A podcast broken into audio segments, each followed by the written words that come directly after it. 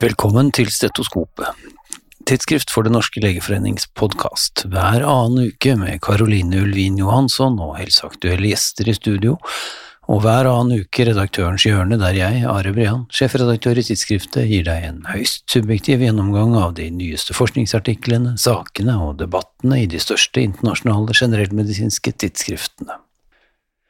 I dag begynner vi som vi gjorde sist, med hvordan krigen på Gaza preger også noen av de medisinsk-vitenskapelige tidsskriftene.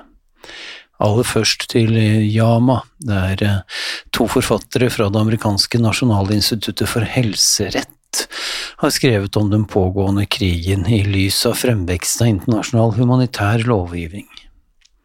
Den første Genévekonvensjonen fra 1949 etablerte en spesielt beskyttet status for militære helseinstitusjoner, ambulanser og medisinsk utstyr. Den fjerde konvensjonen, sammen med den første tilleggsprotokollen fra 1977, var den som først også beskyttet sivile, inkludert helsearbeideres rett til å følge medisinsk etikk uten å kunne bli straffet. Og Den internasjonale Røde Kors-komiteen spesifiserte i 1980 1987 at medisinske og humanitære forsyninger også skulle beskyttes. Men Genévekonvensjonene inneholder et unntak, nemlig dersom medisinske fasiliteter, sykehus og transporter brukes til å begå handlinger som er skadelige for fienden, som det heter. Et sykehus kan imidlertid bare miste beskyttet status hvis den angripende styrken gir en advarsel og rimelig tid til å overholde eh, advarselen. Det vil altså si at det skal gis tid til sikker evakuering av sårede og syke, og at alle mulige forholdsregler skal tas for å skåne sivile. Konvensjonen slår også fast at stridende under ingen omstendigheter kan bruke medisinske fasiliteter for å skjerme militære mål fra angrep. Svært mye tyder etter hvert på at flere av disse reglene er brutt fra begge sider, egentlig, i denne konflikten. Og da, selvsagt, i den siste tid, først og fremst av Israel. Og Dødstallene på Gaza, skriver forfatterne, viser at den militære responsen er disproporsjonal ut fra dens militære verdi. Den innledende, fullstendige beleiringen av Gaza, etterfulgt av utilstrekkelige humanitære forsyninger, bryter også Israels ansvar som okkupasjonsmakt for å sikre mat, medisiner, hygiene og andre livsnødvendigheter. Mangelen på drikkevann gir utbrudd av luftveissykdommer og vannbårne sykdommer, mens sammenbruddet i helsesystemet vil gi enda flere dødsfall som følge av forsinket diagnose og behandling. Og alt dette samtidig som mangelen på trygge og profesjonelt bemannede fødesteder setter mødres og spedbarns overlevelse i fare, noe vi dessverre har sett flere dokumenterte eksempler på. Og Lignende angrep på helsevesenet har vi dessverre sett over hele verden de siste årene. I 2022 ble 1989 angrep på helsefasiliteter dokumentert, et tall som sannsynligvis reelt sett er betydelig høyere. Halvparten av de dokumenterte tilfellene har skjedd i Ukraina og i Myanmar, men det har også forekommet i blant annet Afghanistan, Den demokratiske republikken Kongo, i Nigeria, i Sør-Sudan og i Jemen. Og tragisk nok så er det selve krigsstrategien som eh, av og til kan innebære ødeleggelse av helseinstitusjoner. Helsefasiliteter og ambulanser har blitt vandalisert, beslaglagt, beskutt, satt i brann og raidet etter forsyninger bare i 2022. Helsearbeidere har blitt utsatt for drap, kidnapping eller arrestasjon under sitt arbeid. Og i Afghanistan og Pakistan, som er land med endemisk polio, har drap av helsearbeidere ført til at FN midlertidig har måttet stoppe all poliovaksinasjon. I Syria foregår nå mange keisersnitt utenfor sykehus, fordi kvinner ikke oppsøker sykehusene av begrunnet redsel for å bli beskutt og angrepet der. Og i Ukraina viser undersøkelser at en tredjedel av befolkningen ikke lenger har tilgang til livsviktige medisiner. I det hele tatt, listen er altfor lang. Og hvis internasjonal humanitær lovgivning i det hele tatt skal ha noen mening, må det på plass effektive metoder for å etterforske, vurdere og straffe brudd, skriver forfatterne. Den internasjonale straffedomstolen, ICC, må heretter prioritere helserelaterte krigsforbrytelser og forbrytelser mot menneskeheten som stammer fra angrep på helse.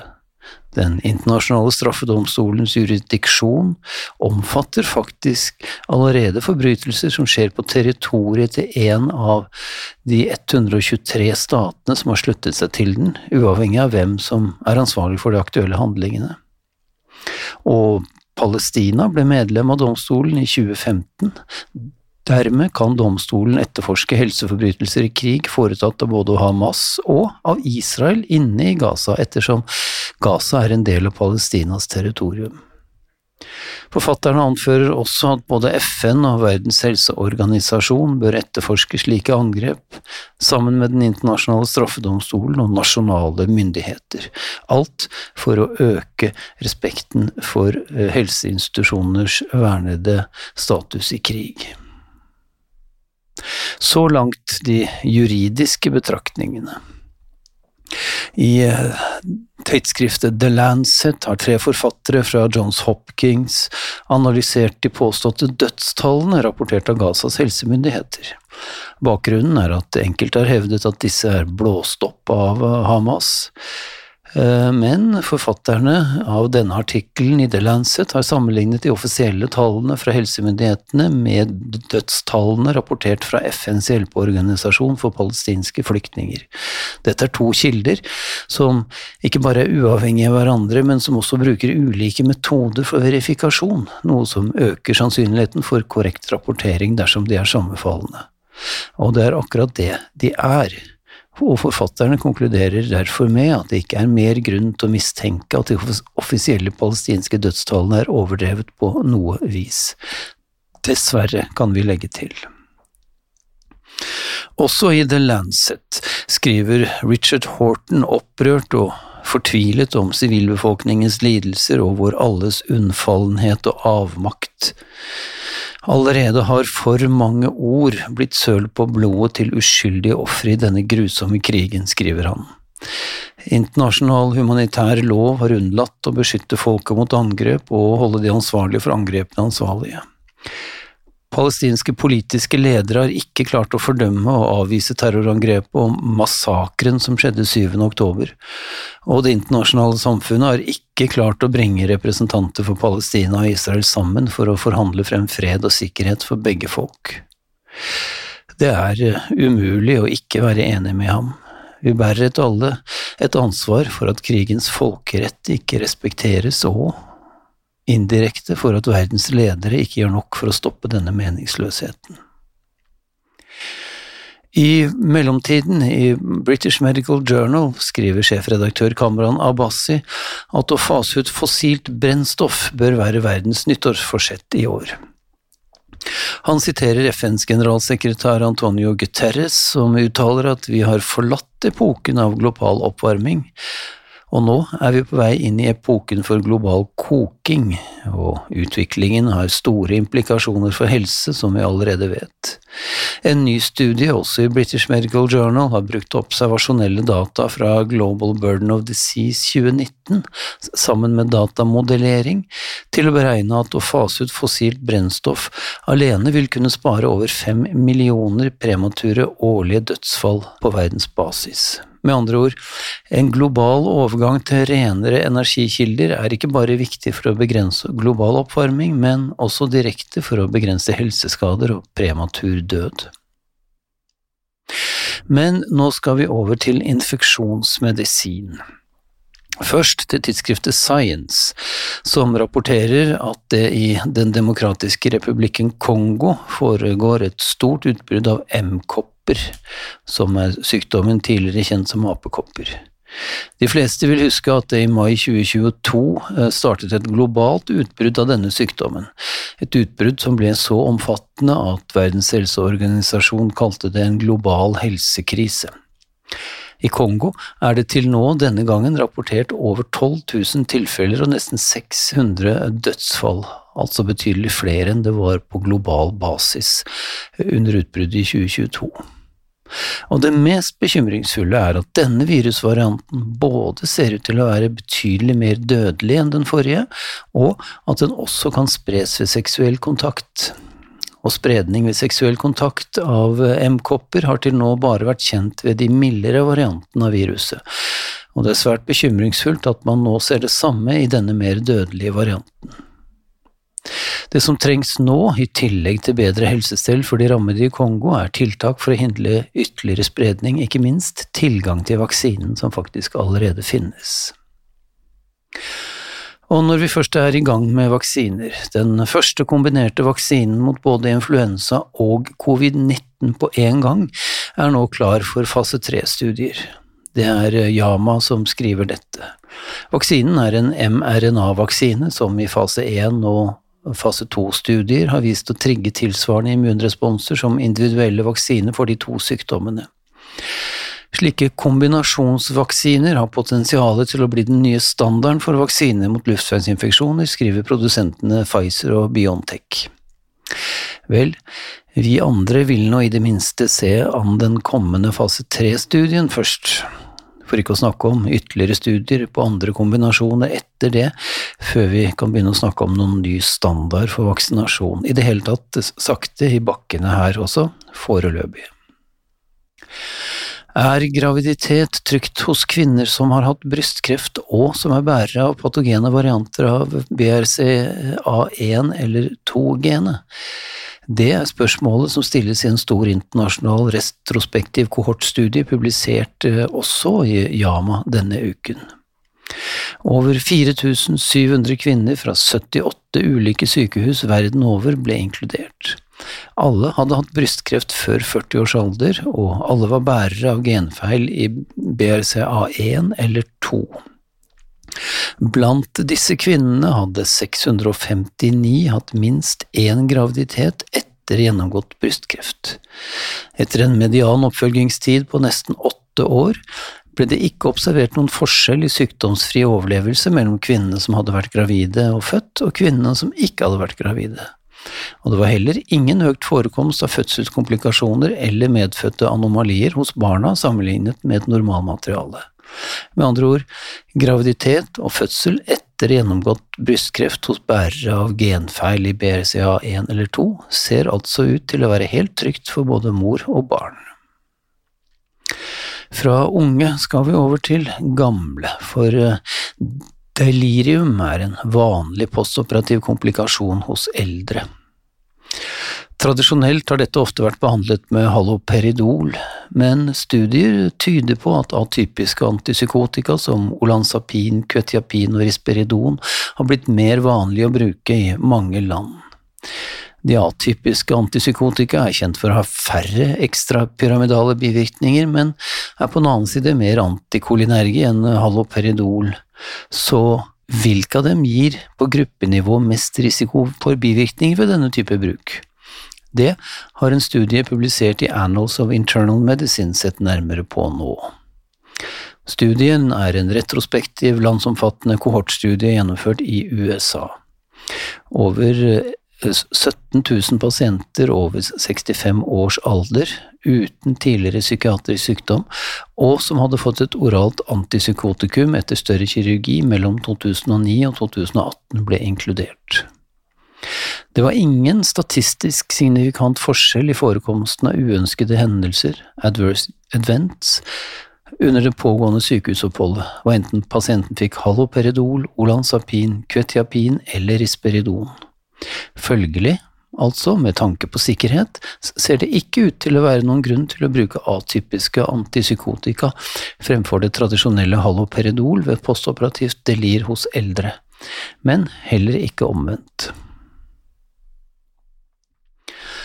Nikotinholdige e-sigaretter med annen smak enn tobakk har heldigvis ganske nylig blitt forbudt i Norge, men fortsatt består myten om at disse produktene først og fremst brukes ved røykeavvenning.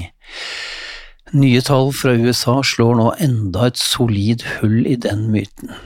Det er Yama som rapporterer tallene fra 415 000 deltakere i det amerikanske Behavioral Risk Factor Surveillance-systemet. Mer enn 18% av amerikanske ungdommer mellom 18 og 24 år bruker nå e-sigaretter. Og interessant nok, hele 72% altså nesten tre fjerdedeler av dem, har aldri noen gang røkt en vanlig sigarett. Og hvem er brukerne utover dette? Vel, det er særlig folk i sørlige og vestlige deler av USA, det er særlig menn, det er særlig folk med kroniske lidelser av ulik slag, og særlig folk som definerer seg som LGBTQ. Så så å si, men ikke helt, til sist i dag, kommer et forsvar for den fysiske arbeidsplass i våre digitale og hybride tider, eller for å være mer korrekt, et forsvar for den fysiske forskningsplass. For ifølge en ny studie publisert i tidsskriftet Nature har forskere som arbeider i fysiske team, større sjanse for å oppnå vitenskapelig gjennombrudd enn forskergrupper som samarbeider på avstand. 20 millioner forskningsartikler publisert mellom 1960 og 2020 ble analysert, sammen med 4 millioner patentsøknader i omtrent samme periode over hele verden. Forskerne så på institusjonstilhørighet blant forfatterne og patentsøkerne, sammen med geografisk avstand mellom dem. Samtidig rangerte de hver artikkel og patentsøknad med den såkalte D-indeksen, som sier noe om hvor disruptiv, altså nyskapende, en forskningsartikkel er innen sitt felt. Og funnene er interessante. Blant annet finner de at den gjennomsnittlige geografiske avstand mellom forskerteam har økt fra 100 km til 1000 km i løpet av de siste 50 år, og at forekomsten av langdistansesamarbeid, definert som mer enn 2500 km mellom deltakerne i et forskerteam, har økt fra 2% til 15% for forskningsartikler, og fra 3% til 9% for patentsøknader. Men mens sannsynligheten for at en gitt forskningsartikkel er i alle fall litt nyskapende, altså har en D-score over null innen sitt felt, ja, den sannsynligheten er 28 når avstanden mellom forskerne er 0 km, og den er 22% dersom forskerne jobber mer enn 600 km fra hverandre. Og hvorfor, mon tro?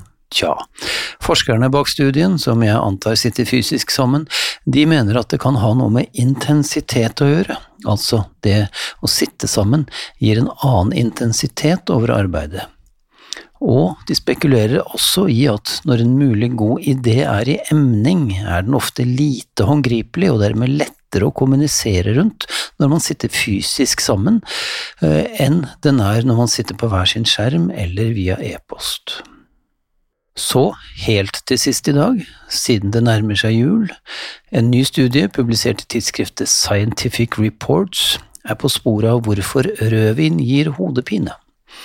I studien viser forskerne at stoffet quercetin-3-glukuronid er en kraftig inhibitor av enzymet ALDH2, som gir acetaldehydoppåpning, hodepine og den typiske ledsagende ansiktsrødmen. Quercetin-3-glukuronid er en metabolitt av quercetin, og hva i all verden er nå quercetin? Jo, det er et flavanol som er naturlig til stede i mange frukter og grønnsaker, inkludert druer, særlig rødvinsdruer. Og når da dette metaboliseres i kroppen, blokkerer det altså nedbrytingen av alkohol og gir acetaldehydopphopning og hodepine så vet vi det, men om det får oss til å unngå rødvin i hele julen, se det er en annen sak. Vi høres neste gang, og neste Redaktørens hjørne blir i 2024. Ha en forhåpentlig riktig fredfull julefeiring så lenge.